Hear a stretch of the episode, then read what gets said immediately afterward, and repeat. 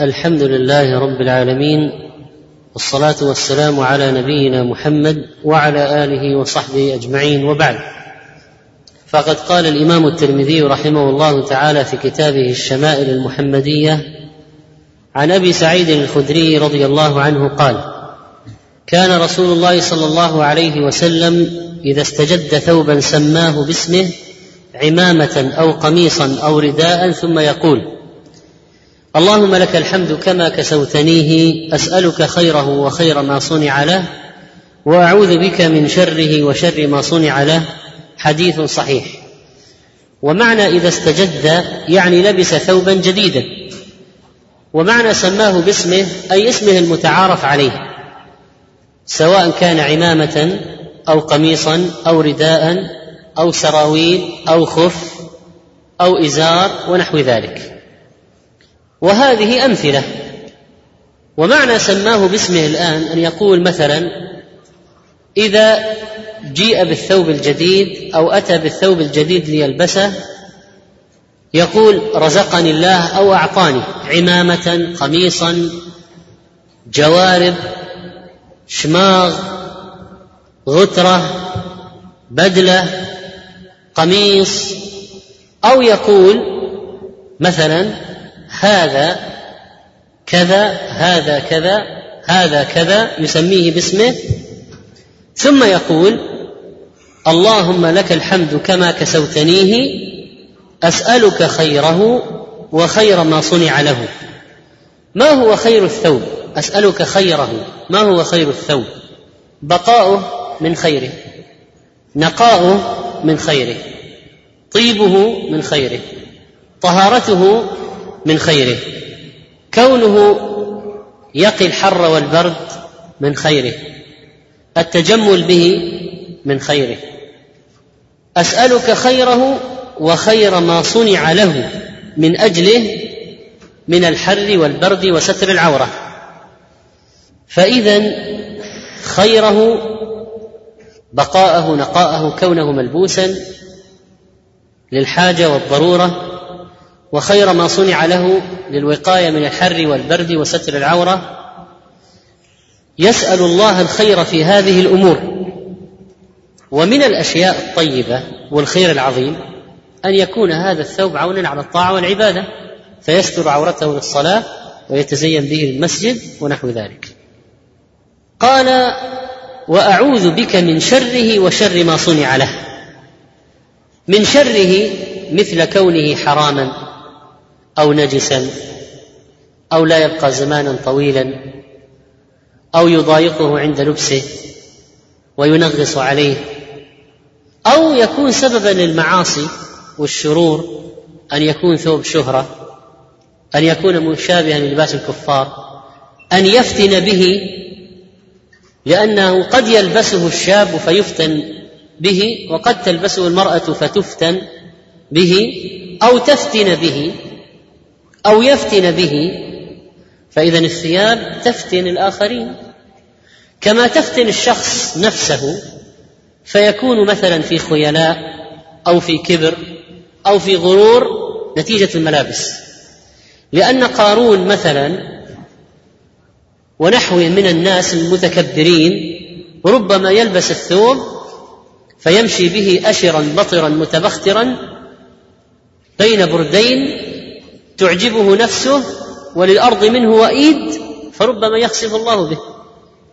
فإذا قد يكون الثوب سببا للشر أو العجب والغرور والفخر والخيلاء والكبر واحتقار الآخرين ونحو ذلك.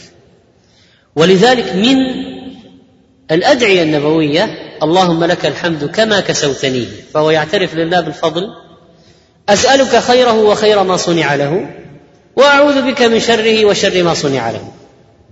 وهذا الحديث يدل على استحباب حمد الله تعالى عند لبس الثوب الجديد. قال وعن أنس بن مالك رضي الله عنه قال كان أحب الثياب إلى رسول الله صلى الله عليه وسلم يلبسه الحبرة. حديث صحيح وأيضا رواه الشيخان. الحبرة بوزن عنبة عنبة برد يماني موشى مخطط مزين من برود اليمن تصنع من قطن كانت من أشرف الثياب لديهم في ذلك الوقت. سميت حبر لأنها تحبر. معنى تحبر يعني تزين. مثل ما قال أبو موسى لو أعلم أنك تسمع لحبرته لك تحبيرا. يعني لحسنت صوتي وجملته وزينته لك يا رسول الله يعني من أجل سماعك ولي وليدخل السرور عليك وأنت تسمع. لتسر من قراءتي أكثر.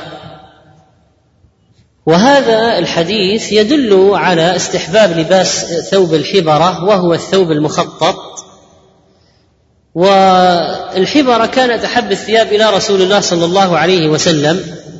وهل يعارض هذا ما تقدم من أن أحب الثياب إليه عليه الصلاة والسلام فيما سبق ذكره؟ كان القميص. فقال بعض العلماء إن القميص كان أحب إليه بالنسبة لما خيط. وهذا بالنسبة لما يرتدى به. أو أن محبته للقميص كانت كانت حين يكون عند نسائه والحبره كانت حين يكون بين صحبه. ولعل هذا بالنظر إلى راوي الحديث. فمن الذي قال إنه كان إن أحب الثياب إليه القميص؟ أم سلمة. ومن الذي روى أن أحب الثياب إليه الحبره أنس. فإذا أم سلمة من أهل بيته فلعله كان إذا كان في البيت القميص وإذا كان بين أصحابه الحبره على أية حال كان عليه الصلاة والسلام يحب هذين النوعين من اللباس. وابن القيم رحمه الله قال وكان أحب الثياب إليه القميص والحبرة فجمع بينهما. والحديث يدل على مشروعية لباس الزينة من الثياب إذا كان مما يعتاد لبسه وليس من الشهرة. قال ابن القيم رحمه الله فالذين يمتنعون عما أباح الله من الملابس والمطاعم والمناكح تعبدا وتزهدا بإزائهم طائفة قابلوهم فلا يلبسون إلا أشرف الثياب ولا يأكلون إلا ألين الطعام فلا يرون لبس الخشن ولا أكله تكبرا وتجبرا. وكلا الطائفتين مخالف لهدي صلى الله عليه وسلم ولهذا قال بعض السلف كانوا يكرهون الشهرتين من الثياب. العالي والمنخفض. لماذا؟ لأن العالي يلفت الأنظار بغلائه وزينته. فاخر جدا. والمنخفض يلفت النظر إليه من جهة أن يقال فلان هذا ما شاء الله متواضع ثوبه فيه سبع رقع. ولذلك كانوا يكرهون الشهرتين من اللباس العالي والمنخفض. ولذلك الواحد يلبس ما يلبس مثل ما مما يلبس الناس. يلبس مما يلبس الناس. لكي لا يشتهر بشيء ولا يشار إليه بالبنان فيكون من عامة الناس من عامة المسلمين. وفي السنن عن ابن عمر ويرفعه النبي صلى الله عليه وسلم من لبس ثوب شهرة ألبسه الله يوم القيامة ثوب مذلة ثم تلهب فيه النار. رواه ابن ماجه وحسنه الألباني. ولماذا؟ لأنه قصد به الاختيال والفخر فعاقبه الله بنقيض ذلك فأذله. فالذي يلبس ثوب الشهرة يقصد لفت الأنظار وأن يرفع الناس إليه أبصارهم ويقولون انظروا إلى فلان فيقصد الاستعلاء فيذله الله يوم القيامة ويعامله بنقيض قصده ويلهب فيه النار. وعندما يلبس ذلك الثوب يوم القيامة. قال رحمه الله تعالى أي ابن القيم وهذا لأنه قصد به الاختيال والفقر فعاقبه الله بنقيض ذلك فأذله كما عاقب من أطال ثيابه خيلاء بأن خسف به الأرض فهو يتجلجل, يتجلجل فيها إلى يوم القيامة. وفي الصحيحين عن ابن عمر قال قال رسول الله صلى الله عليه وسلم من جر ثوبه خيلاء لم ينظر الله إليه يوم القيامة. وكذلك لبس الدنيء من الثياب يذم في موضع ويحمد في موضع فيذم إذا كان شهرة وخيلاء ويمدح إذا كان تواضعا وسكينة. كما أن لبس الرفيع من الثياب يذم إذا كان تكبرا وفخرا وخيلاء ويمدح إذا كان تجملا وإظهارا لنعمة الله.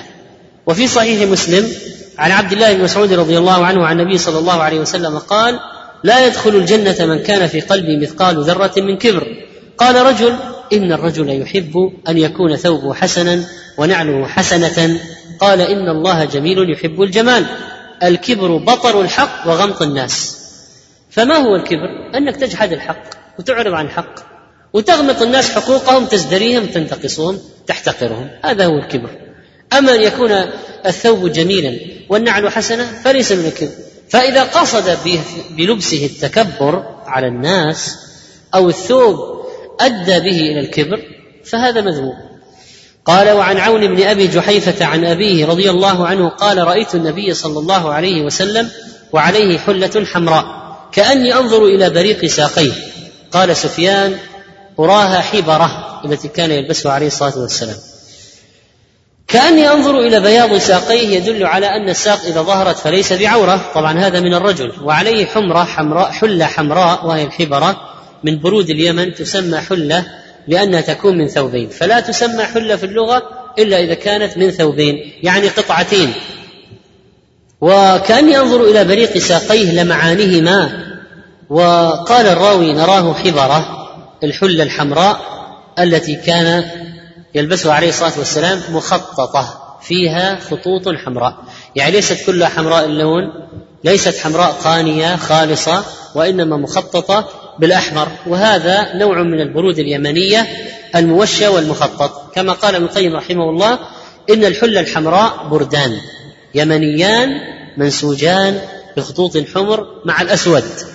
وغلط من قال إنها كانت حمراء بحتا قال وهي معروفة بهذا الاسم. قال الشيخ ابن عثيمين رحمه الله في شرح رياض الصالحين الأحمر قد نهى عنه النبي صلى الله عليه وسلم إذا كان خالصا. وقد تقدم حديث نهى عن المفدم. المشبع بالحمرة.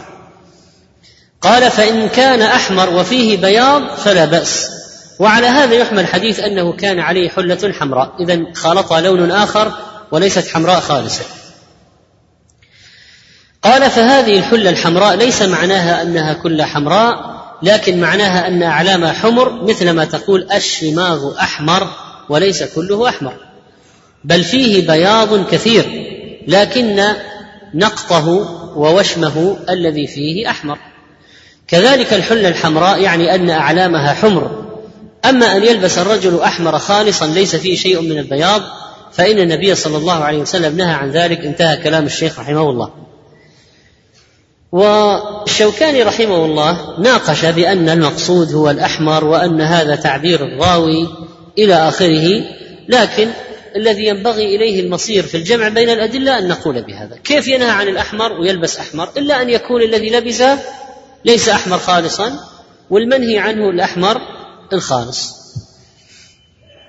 وبعضهم قال إن المقصود بالأحمر المنهي عنه المصبوغ بالعصفر يعني المعصفر لأنه يؤدي إلى لون الحمرة. وقال الترمذي رحمه الله ومعنى هذا الحديث عند أهل العلم أنهم كرهوا لبس المعصفر ورأوا أن ما صبغ بالحمرة بالمدر أو غير ذلك فلا بأس به إذا لم يكن معصفرا. هذا رأي آخر في القضية.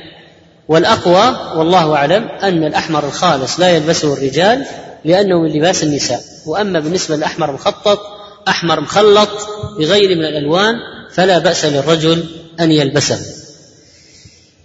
وقال البيجوري النهي عن الأحمر البحت للتنزيه. وفي الحديث استحباب تقصير الثياب إلى نصف الساق وكانت الحلة التي يلبسها إلى أنصاف ساقيه الشريفتين عليه الصلاة والسلام. وقال بعضهم هذا موضعه في الإزار يعني في الشيء الذي لا ينشمر إذا مال الإنسان أو ركع مثلا. الإزار الإزار إذا ركعت أنت لا ينشمر لكن الثوب إذا ركعت ينشمر لأنه معلق على المنكبين. ولذلك ينشمر يعني يقصر من أسفل. ولذلك نازع بعضهم في قضية نصف الساق قال هذا في الإزار ونحوه مما يلبس على وسط الجسد. وقالوا حديث إزرة المؤمن إلى منتصف الساق. قالوا أما ما ينشمر إذا مال الإنسان أو ركع كالثوب المعلق على الكتفين الملبوس على الكتفين المحمول عليهما فلا. يعني أنه ليس من يعني يكون أطول منه. حتى إذا ركع لا ينشمر ويقصر عما فوق ذلك. وعن عائشة نعم قال وعن ابن عباس رضي الله عنهما قال قال رسول الله صلى الله عليه وسلم عليكم بالبياض من الثياب. ليلبسها أحياؤكم وكفنوا فيها موتاكم فإنها من خير ثيابكم.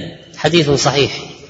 وعن سمرة بن جندب رضي الله عنه قال قال رسول الله صلى الله عليه وسلم البسوا البياض فإنها أطهر وأطيب وكفنوا فيها موتاكم.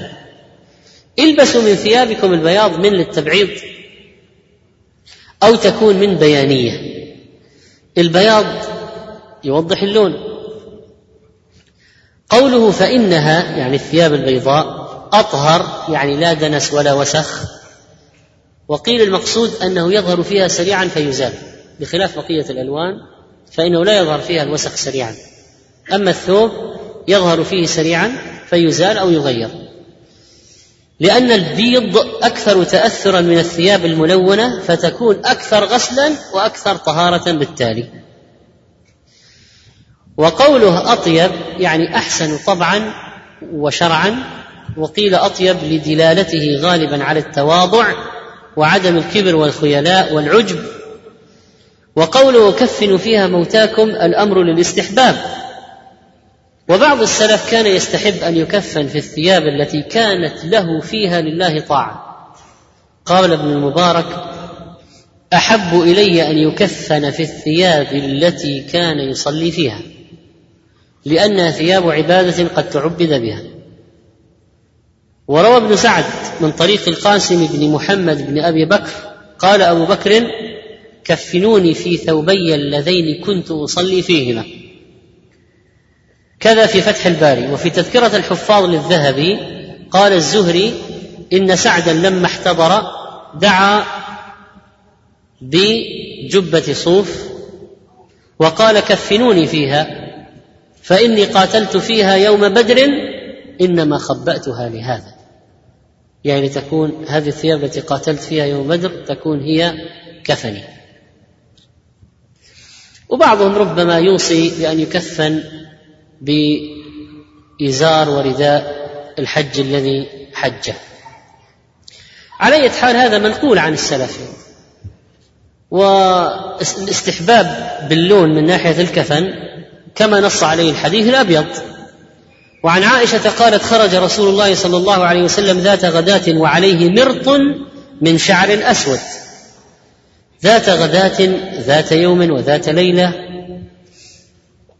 عليه مرط كساء يكون تارة من صوف وتارة من شعر أو كتان أو خز.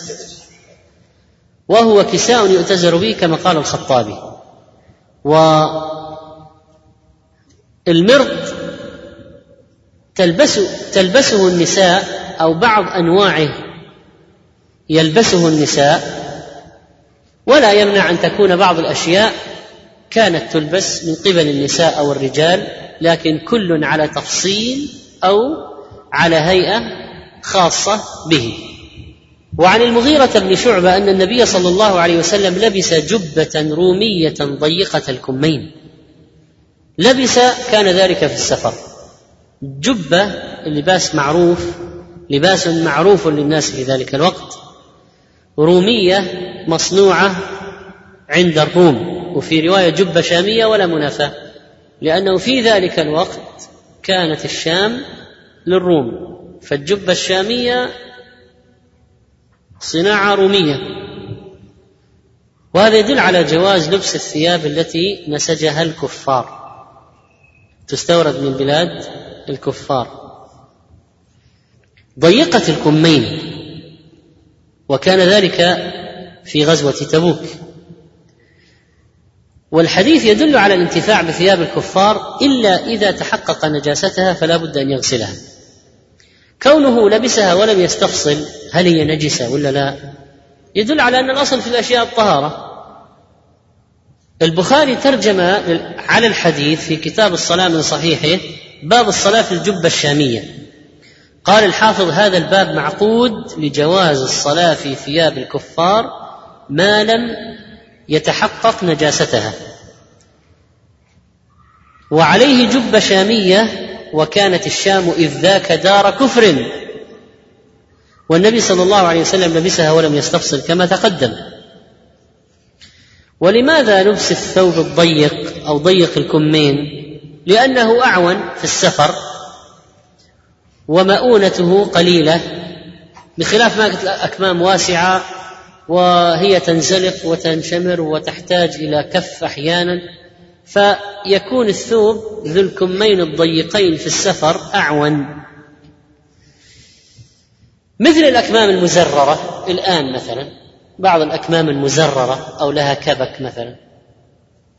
على اية حال وصف الصحابة النبي صلى الله عليه وسلم في شعره ولونه وجلده وثيابه. ومما وصفوه أيضا وصفوا نعليه وخفيه. جاء وصفه بدقة عجيبة. ما في وصف لشخص يعني آخر في التاريخ استعرض كتب التاريخ. ما تجد واحد وصف في التاريخ مثل ما وصف النبي عليه الصلاة والسلام. يعني بهذه الدرجة وعدد الشعرات البيضاء في لحيته أو في شعره أو في رأسه وصدغيه. قال الترمذي باب ما جاء في خف رسول الله صلى الله عليه وسلم.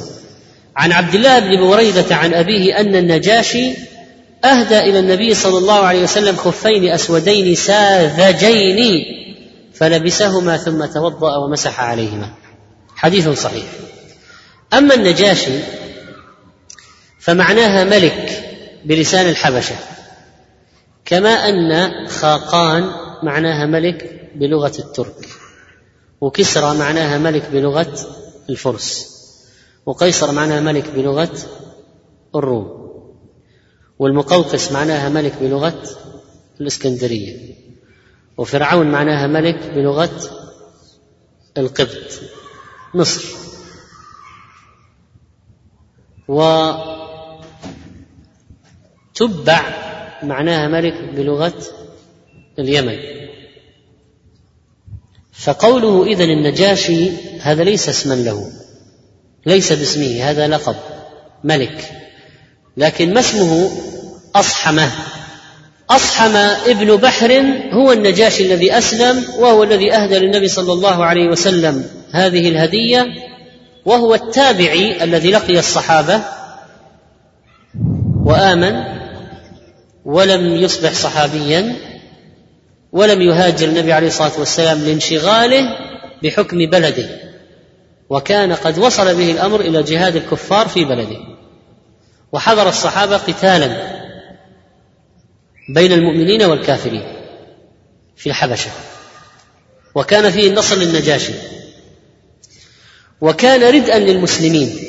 ولعله كان يفهم النجاشي أن بقاءه في الحبشة أنفع للمسلمين من ذهابه إلى النبي صلى الله عليه وسلم. ولان هذه هي يعني البلد الاحتياطي فلم تكن المدينة قد فتحت بالقرآن بعد. وبقي الصحابة عنده وقتا طويلا. الصحابة بعض الصحابة بقوا عنده سنوات. جعفر كم؟ متى قدم جعفر المدينة؟ في سنة في عام خيبر. وخيبر كانت ست إذا هذه هذه السنوات مع التي هاجروها قبل من مكة كل الصحابة عند النجاشي أهدى للنبي عليه الصلاة والسلام نعلين ساذجين ومعنى ساذجين لونهما واحد لم يخالطه لون آخر وقيل غير منقوشين وقيل مجردين عن الشعر. قال القسطلاني الساذج معرب سادة. سادة تبعنا هذه. هي أصلا طبعا آه هذه اللهجة العامية المنتشرة. يقول سادة. يعني لون لا يخالطه لون آخر لون واحد. والنجاشي كتب إلى رسول الله صلى الله عليه وسلم أني زوجتك امرأة من قومك على دينك وهي أم حبيبة بنت أبي سفيان وأهديتك هدية جامعة قميص وسراويل وعطاف وخفين ساذجين. فتوضأ النبي صلى الله عليه وسلم ومسح عليهما. قال سليمان بن داود رواية عن الهيثم قلت للهيثم ما العطاف؟ قال الطيلسان. وقوله فلبسهما النبي صلى الله عليه وسلم إقرارا بجواز ذلك يعني إذا أهديت الهدية والنجاشي ما كان أسلم في ذلك الوقت فإذا قبول هدية المشرك واستعمال هذه الهدية. والظاهر أن هذه الهدية قبل إسلامه كما قاله ابن العربي وأقره زين الدين العراقي ففيه قبول هدية الكتاب وأن المهدى إليه ينبغي أن يتصرف في الهدية أول ما تأتيه اظهارا لقبولها ووقوعها موقعها. فإذا أهداك واحد هدية مثلا ساعة فالبسها فورا أو أهداك آه، مثلا آه، شيئا يرى عليك فالبسه عليك أو ضعه عليك أو استعمله اظهارا لقبوله لأن لأن استعمال الهدية مباشرة دليل على قبولها. فيدخل السرور على نفس المهدي وتقع في موقعها. فإذا أهداك واحد هدية مثلا ساعة فالبسها فورا أو أهداك آه، مثلا آه، شيئا يرى عليك فالبسه عليك أو ضعه عليك أو استعمله إظهارا لقبوله. لأن لأن استعمال الهدية مباشرة دليل على قبولها. فيدخل السرور على نفس المهدي وتقع في موقعها. ولو أنه ادخرها للمستقبل لا بأس ولو أهداها لغيره لا بأس ولو باعها لا بأس. وقوله من هديه لا تهدى غلط. الهدية إذا ملكت بالقبض جاز إهداؤها وجاز بيعها. وكذلك في الحديث أن الأصل في الأشياء الطهارة لأن النبي صلى الله عليه وسلم لبس الخفين وتوضأ ومسح عليهما ولم يستفصل عن حالهما. وكذلك فإن محل المسح على الخفين إذا لبسهما على طهارة. قال وعن الشعبي قال قال المغيرة بن شعبة أهدى دحية الكلبي إلى لرسول الله صلى الله عليه وسلم خفين فلبسهما. حديث صحيح. ودحية بن خليفة الكلبي كان أحسن الناس وجها صحابي جليل أسلم قديما وبعثه النبي صلى الله عليه وسلم إلى من؟ ها؟ إيش؟ من بعثه إلى قيصر الروم أحسنت بعثه رسولا برسالة إلى قيصر الروم واسمه هرقل فقيصر لقب كما قلنا معناه ملك واسمه هرقل. وكان رسول رسول الله صلى الله عليه وسلم. وقد وصل إلى هرقل في محرم سنة سبع. وبعثه النبي صلى الله عليه وسلم في آخر سنة ست.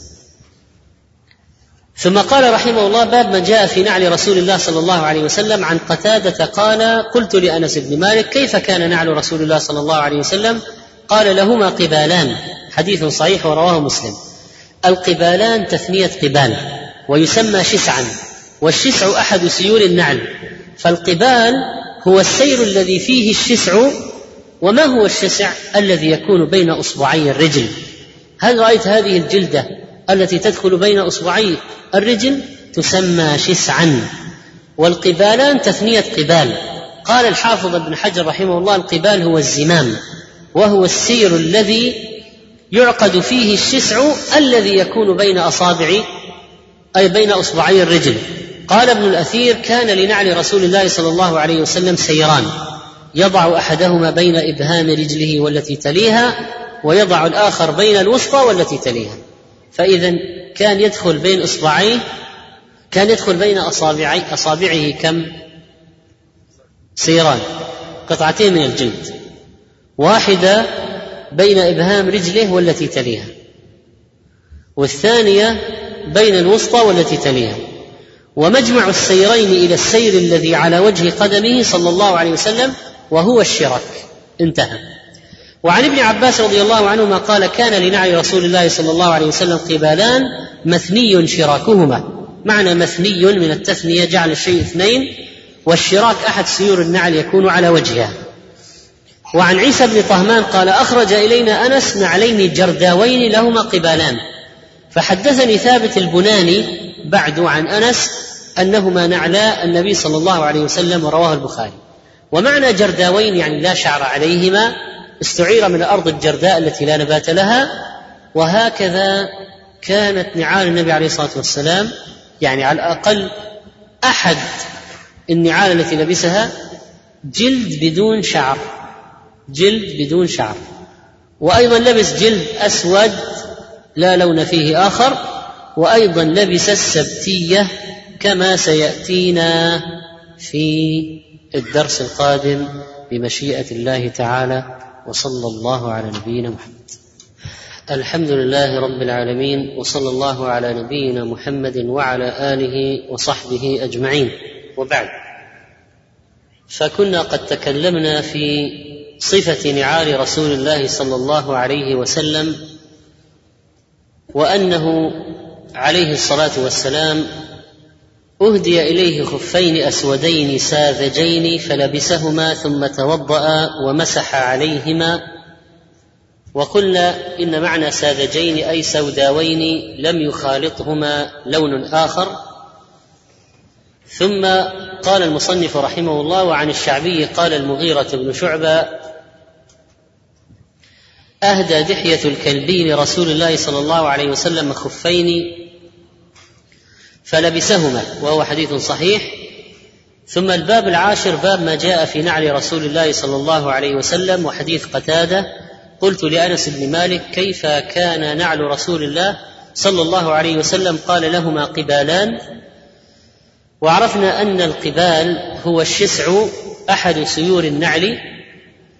وحديث ابن عباس رضي الله عنهما قال كان لنعل رسول الله صلى الله عليه وسلم قبالان مثني شراكهما وحديث عيسى بن طهمان قال أخرج إلينا أنس نعلين جرداوين لهما قبالان فحدثني ثابت البناني بعد عن أنس أنهما نعلى نبي الله صلى الله عليه وسلم ومعنى جرداوين يعني لا شعر لهما.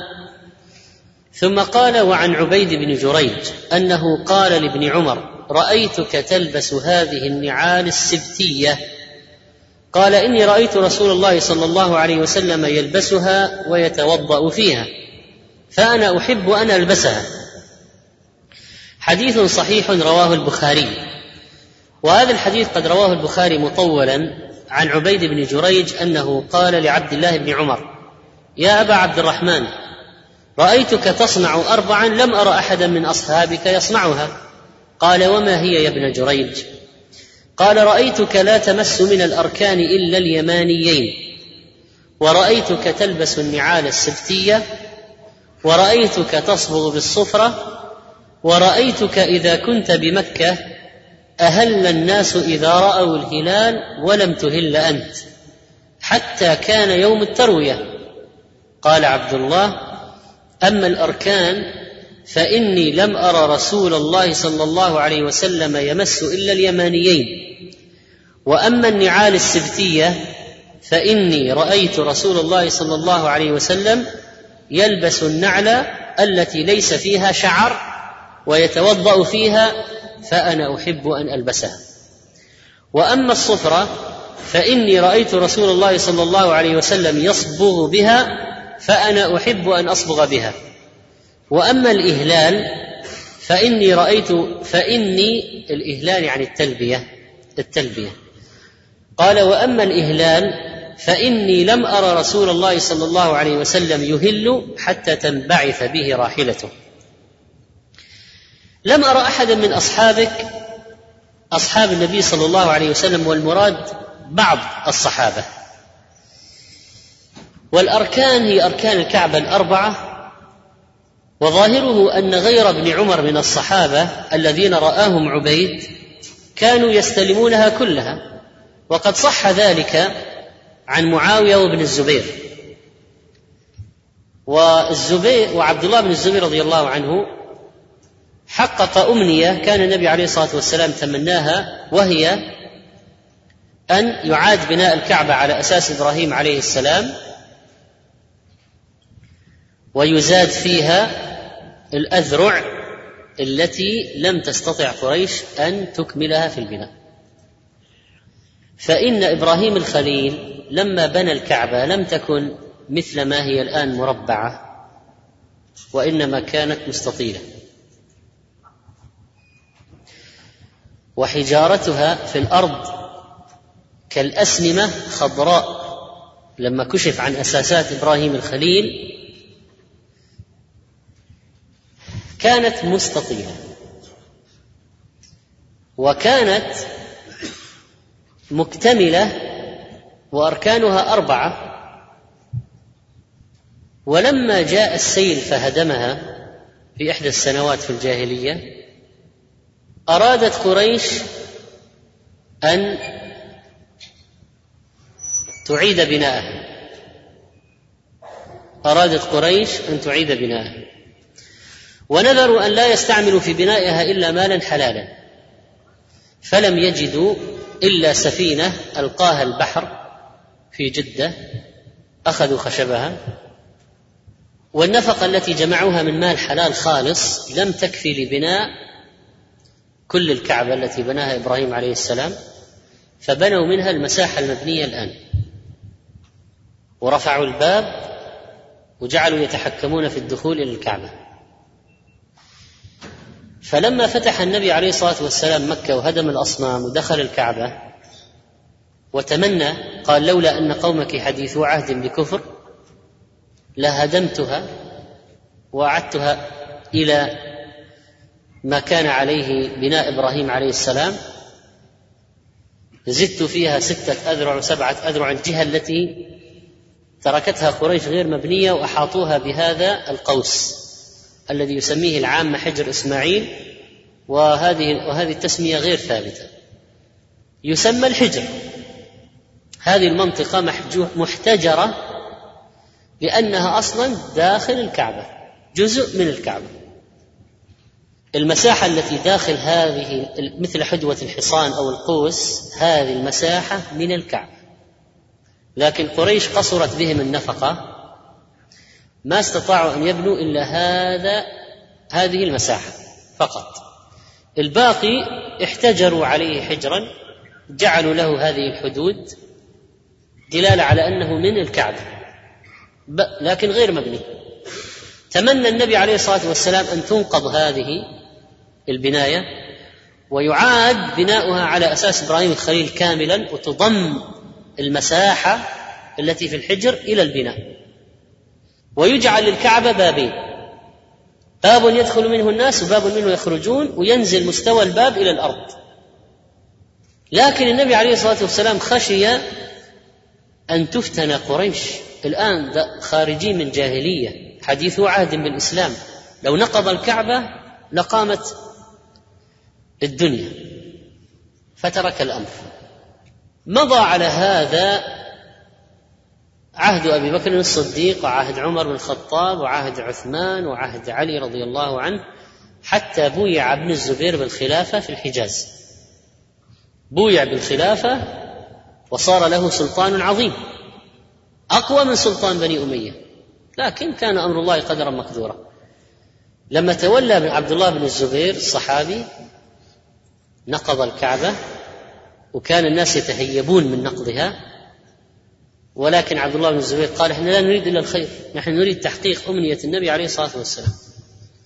وأعاد بناءها على أساس إبراهيم الخليل كشفوا عن أساس إبراهيم الخليل الأحجار المسنمة الخضراء في أس أساس الكعبة وجعل لها بابين وأدخل فيها الحجر وصارت مستطيلة كما كانت. وإذ يرفع إبراهيم القواعد من البيت وإسماعيل على هذه الحدود وهذه حدود وحي بالوحي بالوحي وهكذا حصل بناء الكامل للكعبة. لما جرى أمر الله على عبد الله بن الزبير وجاء الحجاج وقصف الكعبة بالمنجنيق وقتل من الصحابة خلق كثير ودخل مكة واستولى عليها وأسقط حكم عبد الله بن الزبير. قال هذا المبتدع الضال غير البيت الذي كان على عهد النبي صلى الله عليه وسلم وأمر بهدمها وإعادتها كما كانت أيام قريش. لما صارت في عهد عبد الله بن الزبير كاملة عبد الله بن الزبير استلم الأركان الأربعة. طاف بالبيت واستلم الأركان الأربعة. لانها اكتملت. لما جاء الحجاج أعاد هدمها وأعادها كما كانت على عهد قريش. ناقصة وهذا الحجر. لما جاء عهد هارون الرشيد في الدولة العباسية أراد أن يعيدها على بناء عبد الله بن الزبير. فقال مالك الإمام مالك يا أمير المؤمنين دع بيتا أسلم الناس عليه. لا تجعل بيت الله ملعبة للملوك. الآن أنت تبني ويجهد يهدم وتبني وتصير الكعبة ملعبة. كل جاء واحد يقول لا نرجعها مثل ما لا لابد أن نعيد. وها. فقال دع بيتا أسلم الناس عليه. خلاص أسلم الناس عليه وهو على هذه الحال. اتركه واستمرت القضية حتى الآن. حتى الآن. ما غيرت يعني ما زيد البنيان. لعل أمنية النبي عليه الصلاة والسلام أن يكون للكعبة بابين باب يدخل منه الناس باب يخرجون أن هذه الأمنية تحققت بوجود الفتحة بين الحجر وبين الكعبة. في فتحة مثل الباب يدخل منه الناس. من أراد أن يصلي داخل الكعبة يصلي داخل الحجر لأنه هذا داخل الكعبة ما يلزم يدخل من الباب المرتفع. فلو دخل وصلى داخل فهو داخل الكعبة باب يخرجون من الناحية الأخرى. وبالتالي لا الركنان اللذان بناهما إبراهيم الخليل حجر الأسود والركن اليماني فقط. الركنان الباقيان غير حقيقيين. يعني الثالث والرابع هذه ما هي هي الأركان الحقيقية لأن كان حقيقية في تكملة البناء. إذا مد كاملا هنالك يأتي الركن الثالث والرابع. لكن الآن ما في ثالث ورابع. وبعض الناس من جهلهم إذا أراد أن يطوف الكعبة دخل في الحجر هذا وطاف حول القماش الأسود. يظن نفسه يطوف حول الكعبة. هذا ما طاف حول هذا طاف حول جزء من الكعبة. فمن فعل هذا في حج أو عمرة فحجه غير صحيح وعمرته غير صحيحة لأنه ما طاف بالكعبة. طاف بجزء من الكعبة. على اية حال هذا معنى نعود إلى الرواية أن ابن عمر ما استلم من الأركان إلا الركنين فقط اليماني والأسود. اليماني جهة اليمن والأسود جهة إيش؟ عندك اليمن والشام وركن العراقي وركن هذه الأركان إلى جهات البلاد. فلذلك سموه ركن اليماني وركن العراقي. طبعا ركن العراقي ركن الشام ركن الشامي وركن اليماني. فالكعبة في هذا البناء الموجود على ما كان الأمر عليه في عهد النبي صلى الله عليه وسلم.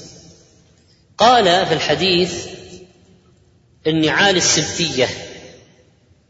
التي لا شعر فيها مشتقة من السبت وهو الحلق. كأن محلوقة ما فيها شعر. وقول أهل الناس رفعوا أصواتهم بالتلبية من أول الحجة قول ولم تهل أنت حتى كان يوم التروية يعني الثامن من ذي الحجة. ويتبين من جواب ابن عمر أنه كان لا يهل حتى يركب قاصدا إلى منى. قال ابن حجر رحمه الله واستدل بحديث ابن عمر في لباس النبي صلى الله عليه وسلم النعال السبتية ومحبته لذلك على جواز لبسها على كل حال. قال وعن ابن وعن أبي هريرة رضي الله عنه قال كان لنعل رسول الله صلى الله عليه وسلم قبالان. وفي هذه الأحاديث بيان لشكل نعلي النبي صلى الله عليه وسلم وبيان أنه كان يحب النعال السبتية يعني التي صنعت من جلد مجرود من الشعر. وكان لهما سيران مزدوجان على ظهر القدم وهما الشراكان. وكان لهما قبالان وهما قطعتا الجلد التي تكون بين أصابع القدم. وفي الأحاديث حرص السلف على اقتفاء آثار النبي صلى الله عليه وسلم. وعبد الله بن عمر من أشهر الصحابة الذين عرفوا بالاقتداء بالنبي عليه الصلاة والسلام. قال وعن عمرو بن حريث رضي الله عنه قال رأيت رسول الله صلى الله عليه وسلم يصلي في نعلين مخصوفتين والنعلان المخصوفتان أي المخروزتان أو المرقعتان. وهذا فيه بيان حال نعلي النبي صلى الله عليه وسلم وأنه كان متواضعا زاهدا في الدنيا لبس نعلين مخصوفتين وصلى فيهما وكان يقصف نعليه بيديه عليه الصلاة والسلام. كما حكت ذلك أم المؤمنين عائشة رضي الله عنها. وهذا يبين مشروعية الصلاة في النعال وأن ذلك كان من هديه عليه الصلاة والسلام. وفي صحيح مسلم عن سعيد بن, زي بن يزيد قال قلت لأنس بن مالك أكان رسول الله صلى الله عليه وسلم يصلي في النعلين؟ قال نعم. فهذا يدل على جواز الصلاة في النعال والخفاف ما لم يتحقق من نجاسة عليهما قال وعن أبي هريرة أن رسول الله صلى الله عليه وسلم قال لا يمشي أحدكم في نعل واحدة لينعلهما جميعا أو ليحفهما جميعا. قال لا يمشي أحدكم في في نعل واحدة لينعلهما جميعا أو ليحفهما جميعا. حديث صحيح وهو متفق عليه. لينعلهما جميعا يعني لينعل قدميه جميعا يجعل فيهما النعلين أو ليحفيهما جميعا من الإحفاء ضد الإنعال وهو جعل الرجل حافية بلا نعل ولا خف. إما يمشي حافي الرجلين أو يلبس النعال في الرجلين يعني لا يلبس فرده ويترك فرده. طيب لماذا هذا النهي؟ لماذا النهي عن أن يلبس نعل إحدى النعلين ويترك الأخرى حافيه قال القاضي إنما نهى عن ذلك لقلة المروءة والاختلال والخبط في المشي. هذا المنظر واحد ماشي فرده وتارك فرده يعني قلة مروءة. يعني ناس إذا رأوه يقولوا عنه هذا مجنون؟ هذا عاقل؟ هذا كذا أو الاختلال أثناء المشي والتخبط يحصل نتيجة أنه أعلى رجل أعلى من رجل قال الخطابي المشي يشق على هذه الحال مع سماجته في الشكل وقبح المنظر في العين. وقيل السبب عدم العدل بين الجوارح هذا سبب النهي أنه لم يعدل بين الجوارح. وقيل إن هذا يدل على اختلال الرأي وضعفه. يعني ضعف في العقل هذا المنظر. وقال النووي رحمه الله يكره المشي في نعل واحدة أو خف واحدة أو مداس واحد إلا لعذر. قال العلماء وسبب ذلك أنه تشويه ومثله. الشكل تشويه مشوه ومثله. ومخالف للوقار. ولأن المنتعلة تصير أرفع من الأخرى فيعسر مشيه وربما كان سببا للعثار. يعني سببا أن يتعثر ويسقط.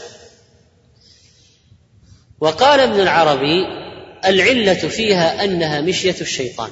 الآن تقدم علل متعددة. العلة الآن أنها مشية الشيطان. وهذا هو الأرجح. السبب في النهي الأقوى والأظهر مخالفة الشيطان. فهل الشيطان يمشي في نعل واحدة؟ الجواب نعم.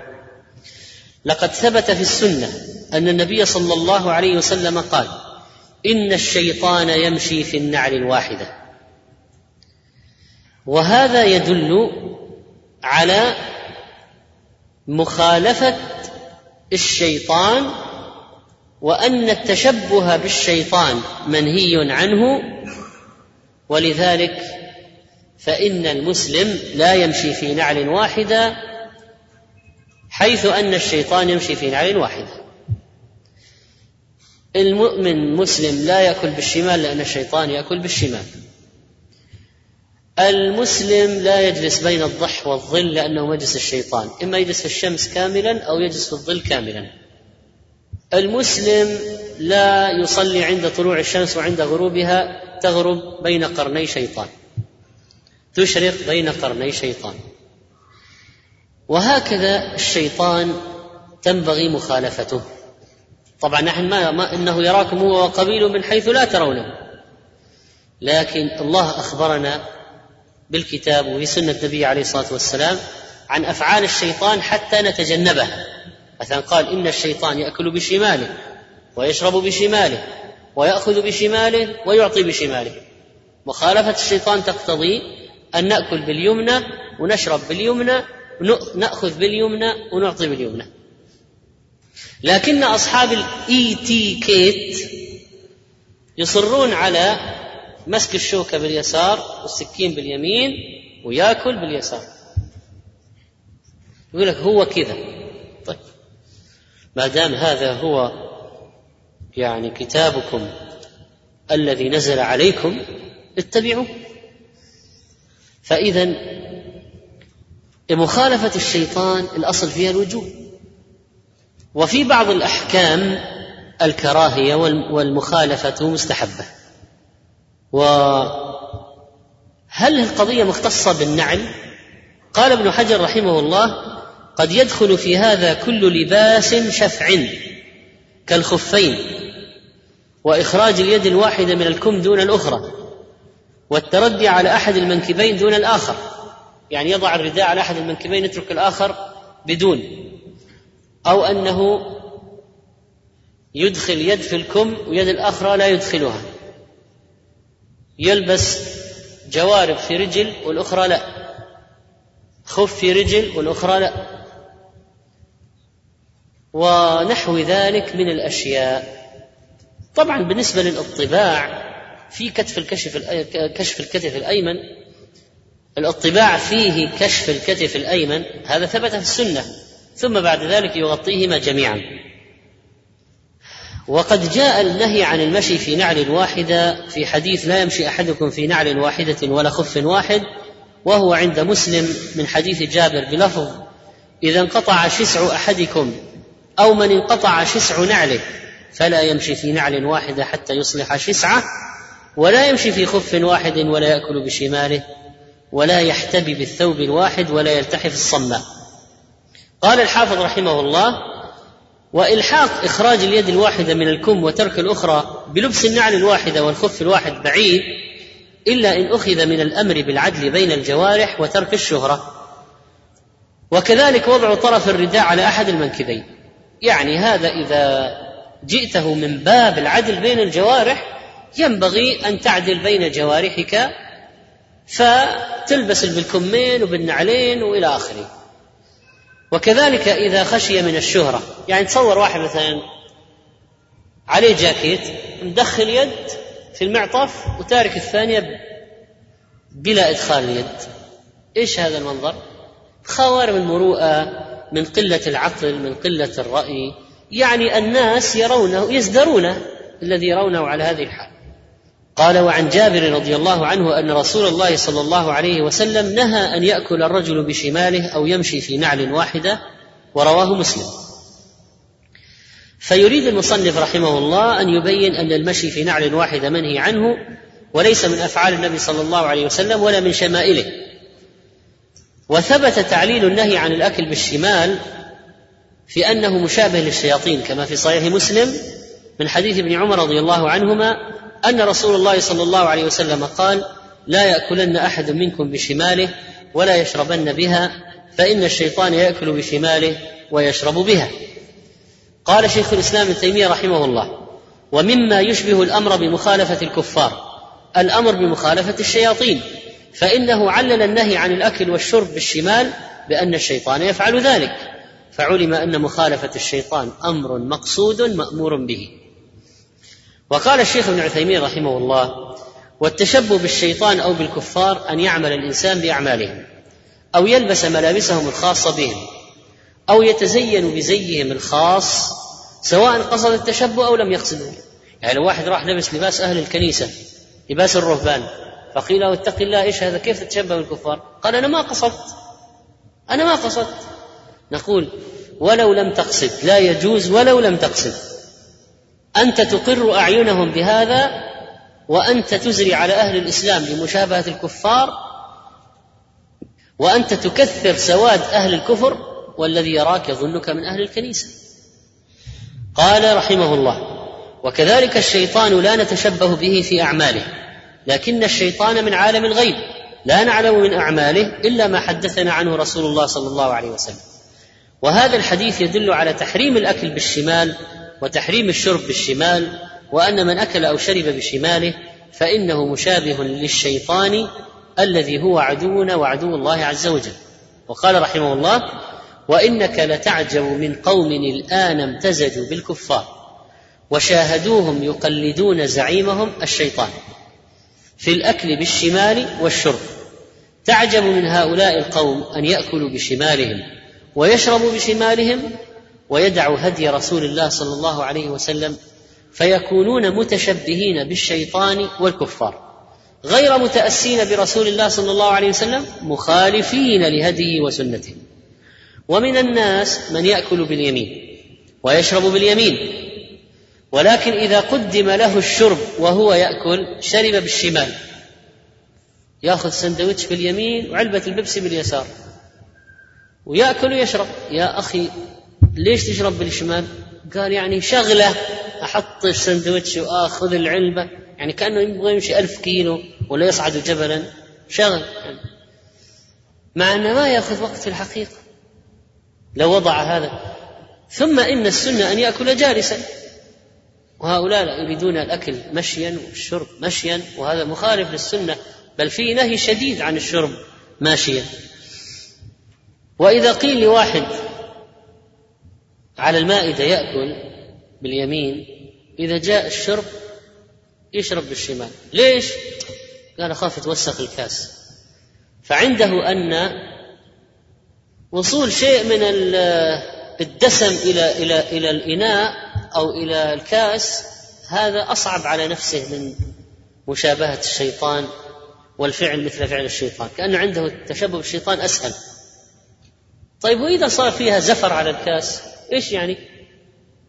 أيهما عندك يعني أصعب أيهما عندك أولى بالمراعاة؟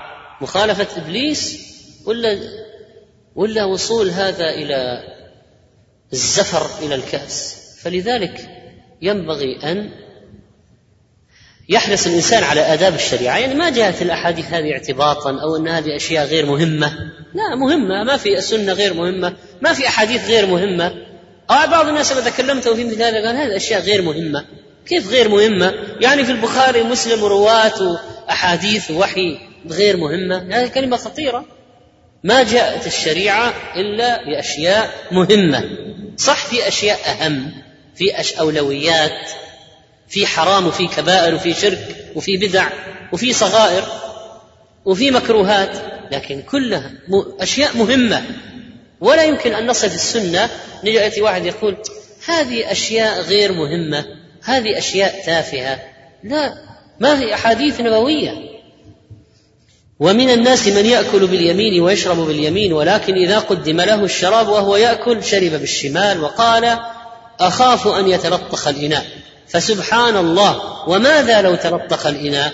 لكن الشيطان يزين للإنسان سوء عمله فيراه حسنا. فيحرم على الإنسان بأي حال أن يأكل أو يشرب بشماله إلا لضرورة إذا كانت اليد اليمنى مشلولة أو مكسورة أو ليس لها أصابع أو ما أشبه ذلك من الضرورة من إنسان مقيد اليد اليمنى مثلا. فهذه ضرورة وما جعل الله علينا في الدين من حرج. وفي صحيح مسلم أن رجلا أكل عند رسول الله صلى الله عليه وسلم بشماله فقال كل بيمينه فقال لا أستطيع. بالكبر كبرا قال هو له الحقيقة يستطيع. قال لا استطعت. ما منعه إلا الكبر. قال فما رفعها إلى فيه. شلت. ما استطاع. قال لا استطعت. دعا عليه. لا استطعت. فما رفع اليمنى بعد ذلك. قال الشيخ رحمه الله في شرح رياض الصالحين فدعاء الرسول صلى الله عليه وسلم يدل على تحريم هذا الفعل. وعن أبي هريرة أن رسول الله صلى الله عليه وسلم قال إذا انتعل أحدكم فليبدأ باليمين وإذا نزع فليبدأ بالشمال فليتكن اليمنى أولهما تنعل وآخرهما تنزع. حديث صحيح وهو متفق عليه. انتعل لبس النعل انتزع خلع النعل والبداء باليمين مشروعه في جميع الأعمال الصالحة لفضل اليمين. حسا في القوة وشرعا في الندب إلى تقديمها. تفضيل الجهة اليمنى. وقال النووي يستحب البداء باليمين في كل ما كان من باب التكريم أو الزينة والبداء باليسار في ضد ذلك كالدخول إلى الخلاء ونزع النعل والخف والخروج من المسجد والاستنجاء وغيره من جميع المستقذرات. وقال الحليمي وجه الابتداء بالشمال عند الخلع أن اللبس كرامة لأنه وقاية للبدن فلما كانت اليمنى أكرم من اليسرى بدأ بها في اللبس وأخرت في الخلع لتكون الكرامة لها أدوم لتكون الكرامة لها أدوم وحظها منها وحظها منها أكثر. وقال ابن عبد البر من بدأ بالانتعال في اليسرى أساء لمخالفة السنة ولكن لا يحرم عليه لبس نعله. هذا مما يعلم الصبيان يعني ينبغي أن يؤدب عليه الأولاد كيف يبدأون باليمنى وبعد ذلك اليسرى. قال وعن عائشة رضي الله عنها كان رسول الله صلى الله عليه وسلم يحب التيمم ما استطاع في ترجله وتنعله وظهوره. وقد سبق شرح هذا الحديث وأنه عليه الصلاة والسلام كان يجعل لترجيل الشعر وتسريح الشعر ودهن الشعر. يبدأ بالشق الأيمن وفي الغسل وفي الحلق يبدأ بالشق الأيمن. وكل ما كان من باب العبادة. أو التكريم أو التزيين نبدأ به باليمين. وإذا كان في الأمور المستقذرات والمستخبثات نستعمل الشمال قاعدة الشرع المستمرة استحباب البداءة باليمين في كل ما كان من باب التكريم والتزيين وما كان بضدهما استحب فيه التياسر. وقلنا كيف أن الوضوء يكون في اليمنى ومن أعضاء الوضوء ما لا يكون فيه تيامن كمسح الرأس والأذنين تمسح اليمنى مع اليسرى. سويا.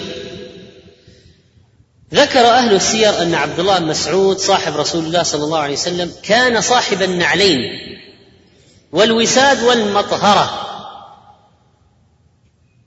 فإذا أقام النبي صلى الله عليه وسلم ألبسه إياهما. وإذا جلس جعلهما في ذراعيه. ابن مسعود من قربه من النبي عليه الصلاة والسلام كان صاحب نعلي النبي عليه الصلاة والسلام. والسواك هو المسؤول عن سواك النبي عليه الصلاة والسلام. ويحضره له. والوساد والطهور. وكان يحمل الطهور للنبي صلى الله عليه وسلم. يتولى خدمة النبي صلى الله عليه وسلم. يحمل عليه النبي صلى الله عليه وسلم. هذا الذي قال الصحابي أبو الدرداء عنه أوليس عندكم؟ ابن أم عبد صاحب النعلين والوساد والمطهرة. هذا صاحب سر النبي عليه الصلاة والسلام ممكن يدخل عليه في أي وقت. والمطهرة كان يخدم النبي عليه الصلاة والسلام يحمل له المطهرة وكان يحمل عليه ابن أم عبد صاحب عليه رسول الله صلى الله عليه وسلم يحمله لهما. ويتعاهدهما للنبي عليه الصلاة والسلام ويحمل له مطهرته. وقال عليه الصلاة والسلام إذنك علي أن ترفع الحجاب وتسمع سوادي. يعني سراري خصوصية له عليه الصلاة والسلام. حتى ظن بعض القادمين من خارج المدينة أن عبد الله بن مسعود من آل بيت النبي عليه الصلاة والسلام لما كانوا من يرون من طريقه دخوله وكثرة دخوله عليه رضوان الله تعالى. هذا نهاية باب النعلين نعال النبي صلى الله عليه وسلم.